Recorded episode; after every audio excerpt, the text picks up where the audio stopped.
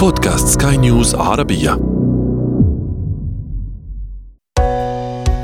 حياتنا.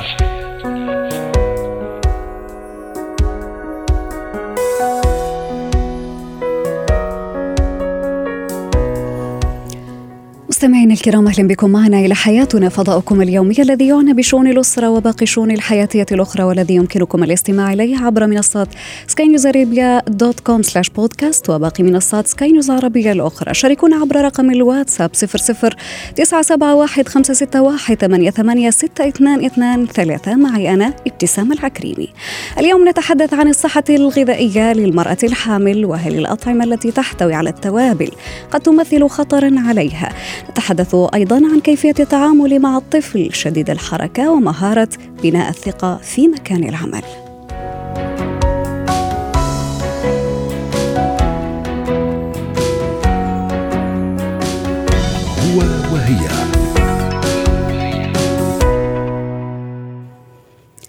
الكل يعلم أن مرحلة الحمل من أدق المراحل التي تمر بها المرأة لأنها تحتاج إلى حرص شديد وانتباه جيد من الحامل لكل ما تتناوله أثناء الحمل وخصوصا التوابل والبهارات الحارة وبعض الأعشاب التي قد يتم استخدامها كمنكهات للطعام سواء أثناء الطبخ أو حتى في السلطات الخفيفة. أسئلة كثيرة قد تدور في ذهن الحامل خاصة التي اعتادت على تناول الأطعمة الغنية بالتوابل قبل الحمل ولكن لم تكن تشعر بخوف أو تهتم حتى بتأثيرها، لكن اليوم سنجيبكم على كل تلك التساؤلات. رحبوا معي مستمعينا الكرام بأخصائية التغذية دكتورة زينة وهبي أهلا وسهلا بك يا دكتورة. اهلين أهلا وسهلا. دكتورة حضرنا لك اليوم أسئلة كثيرة. خلينا نبدأها من الإشكالية المحيرة عند الحوامل وأهلهم يلي يكونوا مراقبينهم على طول في أكلهم ويومياتهم. دكتورة هل من الآمن تناول الأطعمة الغنية بالتوابل أثناء فترة الحمل أم أنه هذا الأمر عادي وما في أي ضرر؟ okay. آه شكرا على الاستضافة أول شيء وكل عام وأنتم بخير يعني مقدما على العيد إن شاء الله.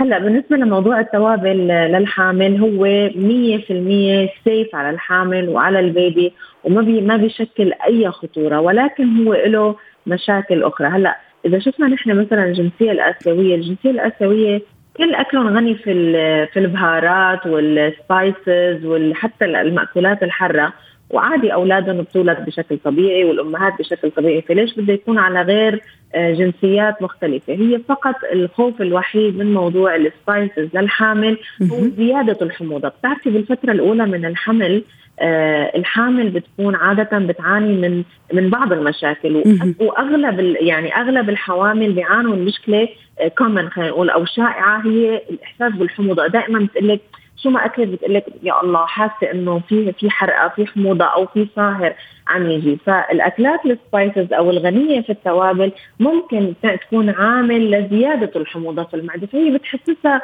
بالإزعاج هي ما بتأثر سلبيا لا عليها ولا على صحة الطفل لأنه الحموضة اللي هي بتحس فيها بسبب ضغط ال baby على المعدة فبتضغط على بوابة المعدة وبتخلي الحموضة تزيد لكن دكتورة البعض البعض يقول لك إنه قد تكون هناك أثار جانبية لبعض الأعشاب اللي بنستخدمها كمنكه أو كبهار لبعض الأطعمة. مم.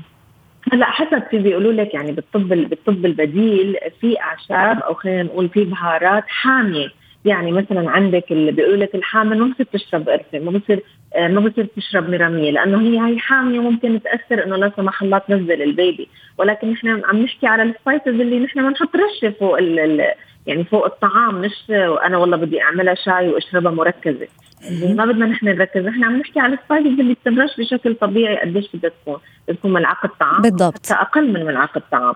فهي ملعقه الطعام أو أقل ما كثير بتأثر أما نحن إذا بدنا نحمل يعني وبطبخة كبيرة فانت ضاعت يعني هي ما عم تأخذها آه مركزة خلينا نقول. يعني دكتورة أفهم منك أنه ما في ولا نوعية توابل قد تكون ممنوعة على الحامل. في أي فترة كانت من فترات الحمل؟ لا. توابل لا ولكن في ممنوعات من الأطعمة ممنوع تاخذها الحامل. مش من التوابل. نعم. مثل ماذا هذه الأطعمة؟ هلا أهم شيء هي كل شيء مأكولات نية، السوشي، الشلفش يعني المحار، الأسماك النية هدول يعني اللي تحتوي على اللحوم النيئة. آه أيوه بالضبط. وبالذات الأسماك لأنه الأسماك بتحتوي على نوع من البكتيريا والفيروسات لا سمح الله بيعمل تسمم وبيؤدي إلى آه، آه، بيؤدي إلى الإجهاض. فلذلك نحن المرأة الحامل دائما أول شيء ملاحظة من ان الأسماك النية ممنوعة. طبعا بالإضافة إلى اللحوم النية أكيد آه، ممنوعة بس هي الأسماك هي أخطر شيء لأنه بتحتوي على نوع معين من البكتيريا بيأثر على الجنين. طيب سأعود بك دكتورة إلى موضوع الأطعمة الحارة. كيف تستطيع الحامل اليوم استهلاك نوعية الأطعمة الحارة بأمان؟ ونحن نعلم يا دكتورة أنه بعض النساء الحوامل قد يشتكين من المغص مثل ما حضرتك تفضلتي أو الحموضة أو حتى الألم بعد تناول هذه الأطعمة. طبعا آه، كل شيء يعني كل شيء بيزيد عن حده بينقلب إلى ضده. فنحن بدنا نكون الاعتدال هلأ في حوامل بيجي وحامه على السبايسي. هي بيجي وحامه بالذات الفترة الأولى على ال spicy. هنا ماذا تفعل؟ بدنا نكون هون نحن بدنا نكون كأخصائيات. المرأة الحامل بدها تحاول إنه هي to balance يعني تحاول نتوازن. اولا تخفف من الكميات. آه ثانيا ممكن هي بعد تناول آه، تناول المأكولات الحارة أو اللي فيها spices تاخذ كوب من اللبن. لأنه اللبن بيروق يعني بيروح. عشان يبرد إحنا نقول عشان يبرد المعدة يعني. بالضبط بالضبط.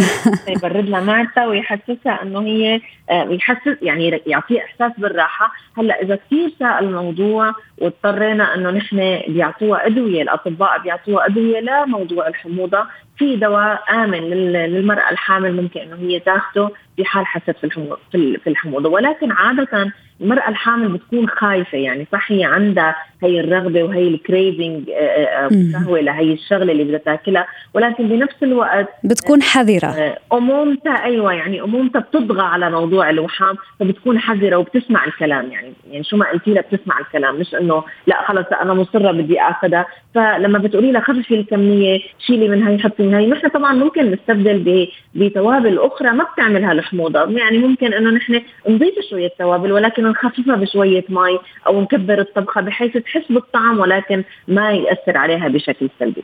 واضح جدا. شكرا لك أخصائية التغذية دكتورة زينة وهبي على هذه المعلومات القيمة. يعطيك ألف عافية. زينة الحياة. قد يتمتع الأطفال في العموم بقدر كبير من الطاقة. هذه الطاقة قد تجعلهم لا يتعبون من اللعب والحركة أو الحركة المستمرة سواء في الليل أو في النهار. لكن هناك بعض الأطفال أيضا يعانون من زيادة هذه الحركة أو الحركة المفرطة دعونا نقول. هنا قد يكون نشاط غير عادي وزائد عن المألوف. قد يتعرض الوالدان في بعض الأوقات للإحراج عند الخروج لأماكن التسوق مع أطفالهم الذين يعانون من آه، فرط في الحركة آه، قد يتعرضون أيضا للإحراج إذا كانوا في استضافة أو عزيمة عند أحد أفراد العائلة أو الأصدقاء. وقد لا يعلمون أن هذا الأمر غير عادي ولا بد من المتابعة مع شخص مختص. إذا آه، لهذا السبب طبعا مستمعينا الكرام طرحنا سؤالنا التفاعلي كيف تتعامل مع الطفل شديد الحركة. ورحبوا معي بالخبيرة التربوية أستاذة هبة شركس يسعد أوقاتك يا أستاذة هبة. يا أهلا وسهلا. إذا هذا هو سؤالنا التفاعلي ووصلتنا تعليقات كثيرة على منصة سكاي نيوز عربية. تعليق يقول أنا بلهي عن طريق الألعاب الحركية والأنشطة الرياضية. تعليق آخر يقول أنا أكيد أحتويه وأقدم له ما ينفعه ويشغله عشان يقضي على كل الطاقة الداخلية ويرجع هادي ورايق. تعليق آخر يقول هذا أمر عادي وكل الأطفال يكون عندهم طاقة كبيرة وهم صغار ولذلك لازمهم يتحركوا معكم كثير. أهلا وسهلا بك مرة ثانية يا أستاذة هبة. تعليقات مختلفة تعكس الاختلاف في الرأي في هذه المسألة وخلينا نجاوب على آخر تعليق من مصطفى اليوم. هل فرط الحركة لدى الطفل هي حالة مرضية محتاجة للمتابعة من مختص أم أنه الأمر بإمكاني أنا كأم أو كأب أو كأخت حتى أني أداركه مع الوقت ويكون طفلي يتصرف عادي ككل الأطفال؟ وفرط الحركة آه، نوعين. وفرط الحركة هو اضطراب والاضطراب ده محتاج لعلاج. لكن آه التشخيص بتاع الاضطراب ده محتاج آه حد مختص. يعني مش كل طفل بيتحرك وبيتنطط وبيلعب وما بيعرفش يقعد وقت كفاية. فهو طفل بي بيعاني من من فرط الحركة. في طفل الأطفال طباعهم مختلفة. ففي طفل طبعه نشيط. بيحب يتحرك بيحب يروح ويجي بيحب إن هو آه عنده ذكاء حركي عالي آه ذكاء جسدي عالي فمحتاج يشترك في تمرينات رياضية. لما بشركه في تمرين رياضي بلاقيه بيركز وبيحقق آه آه حاجات كويسة في هذا التمرين بيحرز تقدم. مش لازم يكون بيحرز منصب لكن بيحرز تقدم نعم. في التمرينات الرياضية بتاعته آه بيقدر إن هو يستوعب بيقدر يقعد يذاكر بيقعد بيقدر يقعد يلعب. يعني لما بقعد ألعب معاه في لعبة فيها تركيز مثلا يقدر يلعب. لو بيعمل لعبة حركية والحركة بتاعته محتاجة تركيز زي إن هو مثلا بيحط كرة في السلة أو إن هو مطلوب منه تارجت معين في أثناء اللعبة فبحس إن هو بيستجمع قدراته وبيقدر يركز وبيقدر يستغرق جوه اللعبة. بي يعني بيعيش خبرات الاستغراق في داخل العمل. اللي هو بيعمله فده طفل طبيعي بس هو نشيط يعني ده من طباع الشخصية النشاط. فده ساعتها بنقول إن هو طفل طبيعي بس نشيط محتاجين إن إحنا نشركه في أنشطة رياضية أكتر ومحتاجين إن حتى في المذاكرة نلاقي له طرق المذاكره تتناسب مع إمكانياته لأن هو حس حركي فممكن يكون بيغير مكان مذاكرته باستمرار ممكن يكون عنده board مثلا وبيقوم يقف ويكتب على ال board الحاجات اللي هو محتاج إن هو يدونها. يعني بيتحرك كثير في المحيط الخاص فيه. أثناء أو حتى في أثناء المذاكرة لازم أعمل له أنشطة تكون مناسبة له. واشركه في أنشطة عموما بشكل عام بعيدا عن المذاكرة في أنشطة حركية باستمرار وإن الطفل مثلا أول ما يصحى الصبح ممكن إن هو يعمل شوية اكسرسايزز ممكن يكون في مثلا شاشة قدامه بيقلد بعض التمرينات الرياضية علشان يعني أخفض مستوى النشاط عنده. وفي المدرسة بوصيهم إن هم يكلفوه بمهام تشغل وقته وت وتخليه يكون مركز أكتر. حنرجع نتعمق أكثر دكتورة في هذه النصائح للتعامل مع الطفل الحركي لكن ماذا إن كانت هذه الحركة مبالغ فيها أو مفرطة كثيرا بالنسبة للوالدين؟ اللي ما يعرفوا حتى إنه ابنهم مثلا عنده فرط الحركة أو النشاط خلينا ننورهم أستاذة هبة بالأعراض اللي ممكن يعرفوا من خلالها هذا الموضوع ويكشفوا عنه ويتابعوه أيضا ويعرفوا كيف يتصرفوا معه. هو طبعا فرط الحركة بيكون في قلة تركيز والطفل حتى في الأنشطة الحركية ما بيكونش بيركز بيكون بس بيتحرك بشكل عشوائي ما يقدرش إن هو يكمل ما يقدرش يركز حتى في التمرين المدرب بيبقى بيقول له حاجة وهو مش معاه خالص بيكون عصبي بيتوتر بسرعة مش بيقدر يمسك, أعصابه آه بيكون آه دايما عنده تلاقي خلافات ومشكلات ممكن كمان يكون آه بيصاحب هذه الأعراض إن هو بيفقد أغراضه يعني ما بيبقاش مركز إن هو يجمع أغراضه ويرجع حاجاته معاه من المدرسة أو من النادي أو من أي مكان. آه بنحس إن هو تحصيله الأكاديمي ممكن يكون أقل نتيجة لقلة التركيز وزياده الحركة اللي بيكون موجود عند الطفل. وطبعا ده بيكون نتيجة لاصابه جزء معين في الدماغ أو عدم اكتمال نمو. جزء معين في الدماغ هو مسؤول عن هذه المهارات. فلما الاهل يلاقوا إن بتجتمع مع بعضها كل هذه الأعراض. مع صعوبه التركيز مع الحركة مع عدم قدرته حتى على إنه يمارس أنشطة رياضية مثلا متقنة أو حركات جسدية متقنة. يعني هو بس بيتحرك بس هو مش بيعرف يكتسب مهارات عنده صعوبة في التحصيل الدراسي عصبي عصبي ومتوتر وعلى طول بيختلف مع الناس وعلى طول حاسس كمان هو بالرفض من جواه بيكون الطفل ده فبيبقى حاسس الناس مش قابلاه لأنه مختلف عن عنهم فبتلاقيه دايما في حالة صراع. ساعات كمان بيبقى عنده عدد ساعات النوم بتاعته بتكون أقل شوية من من الطبيعي وبعضهم لأ بيكون عادي بينام وبالعكس كمان بعضهم ممكن ينام أكتر من الطبيعي. فلو لقوا إن كل الأعراض أو كتير من الأعراض بتجتمع عنده فالمفروض إن هم يعرضوه على الأخصائي. في الحقيقة تمام. إحنا أغلب الولاد اللي بيجوا في العرض بيجوا الأمهات بسبب واحد بس إن هو ضعف التحصيل الأكاديمي. يعني, يعني هذا الموضوع يأثر كثيرا على موضوع التحصيل الدراسي. أو إن الأهل ما بيركزوش غير على آه، الاهتمام بالجانب الأكاديمي لأبنائهم للأسف. يعني يعني لو هو وهذا خطأ يا أستاذة صحيح؟ آه طبعا صحيح خطأ جدا لأن لو بيروح التمرين ومفيش مفيش استجابة في التمرين بس الأم بتقول مش مشكلة. آه مثلا آه بيلعب بألعابه مش عارف يكون أصدقاء مش عارف يركز في لعبة مش عارف يستمتع بحياته بس الأم والأب بيقولوا مفيش مشكلة. لكن أول ما, بي ما بتدخل الأعراض تمس الجانب الأكاديمي هنا بينتبه الأهل. فهي دعوة لأن الأطفال اللي عندهم فرط فرط حركة قبل ما يدخلوا في إنه يكون عندهم تأخر دراسي لو الأم جابتهم من وهم عندهم ثلاث وأربع سنوات وخمس سنوات يعني ممكن يكون التدخل المبكر أفضل بس الأم والأب بينتبهوا لما يأثر هذا الاضطراب على الجانب الأكاديمي. يعني وأغلب الاضطرابات في الحقيقة إن الأهالي بيجوا لما يكون الاضطراب بيأثر على الجانب الأكاديمي بيجوا يقولوا الحقونا الواد آه، مستقبله بيضيع. لكن هو في في الحقيقة هو بيكون عنده مشاكل في كل جوانب مناحي حياته وهم متغافلين عنها ومتعايشين معاها لكن مش قادرين يتجاوزوا عن الجانب الأكاديمي. حتى في علاقاته مع رفاقه أو أصحابه ممكن كمان إنه هذا الموضوع يأثر أستاذة هبة حسب اعتقادي. لكن آه، نود أن نعلم في أي عمر ممكن إنه تظهر هاي الأعراض اللي تفضلتي حضرتك بالحديث عنها بشكل واضح وهل هي تزيد بعدين أم إنه تبقى في نفس المستوى؟ هو طبعا آه، تزيد وتقل ده بيكون حسب آه، اتعرض لبرنامج علاجي مناسب ولا لأ. وعلى حسب برضو شدة وصعوبة ال ال يعني المعاناة اللي موجودة عند هذا الطفل. آه وتبدأ الأعراض تظهر. هو بنبدأ من بدري يعني بنلاقي إن الطفل ده هو من من بداياته من أيامه الأولى بيتحرك بسرعة ملول آه ما بيكملش حاجة. يعني لو مدياله لعبة وهو صغير طفل شهور بتديله لعبة تلاقيه يمل منها يحدفها. لو بيحاول وهو عنده سنتين يركب مثلا أو ثلاث سنوات يركب بازل بسيطة من أربع قطع أو ست قطع وما دخلتش في مكانها بسرعة يرمي الحاجة اللي في إيده مش عايز ويغضب. فبنلاقي إن هو دايما غاضب ودايما مش بيكمل الحاجة ما عندوش صبر إن هو ينهي المهام اللي بيبدأها.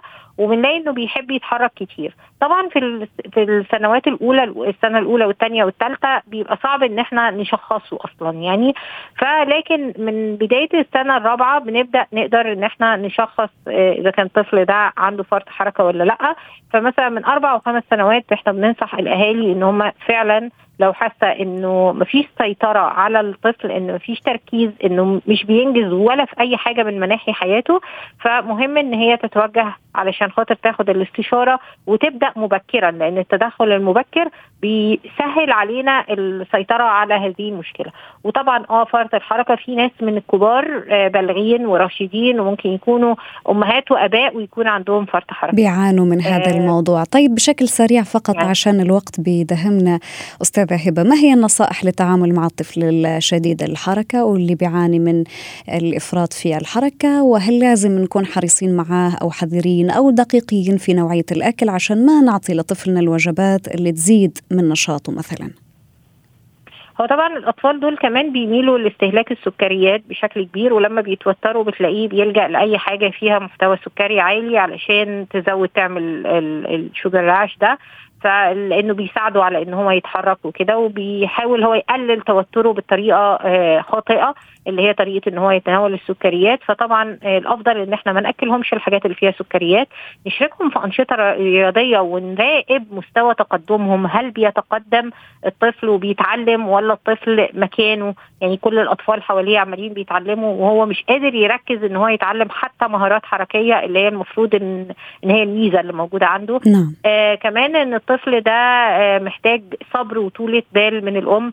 ما نجنحش لعقاب الطفل لأنه فرط الحركة دي حاجة بيعاني منها الطفل قبل ما نعاني إحنا منها نعم. يعني أنا وهو بنعاني من نفس المشكلة مش هو بسبب معاناتي هو نعم. كمان بيعاني معايا فإن أنا أتعاطف معاه وإن أنا أتوقف عن العقاب المبالغ لأنه آه، يعني غير قادر على التحكم في تصرفاته ولو لقيت إن الموضوع مبالغ فيه محتاج إن أنا أستشير طبعا حد مختص وإن أنا دايما أديله أنشطة حركية تفرغ آه، طاقته نعم. بشكل جيد وأهتم بالتغذية والنوم الصحي للأطفال دول. ودائما يجب الحرص على تعاون جميع الأفراد المسؤولين عن رعاية هذا الطفل واتباع نهج تربوي ثابت ومناسب لحالة هذا الطفل، شكرا لك خبيرة التربية أستاذة هبة شركس على كل هذه المعلومات ويعطيك ألف عافية.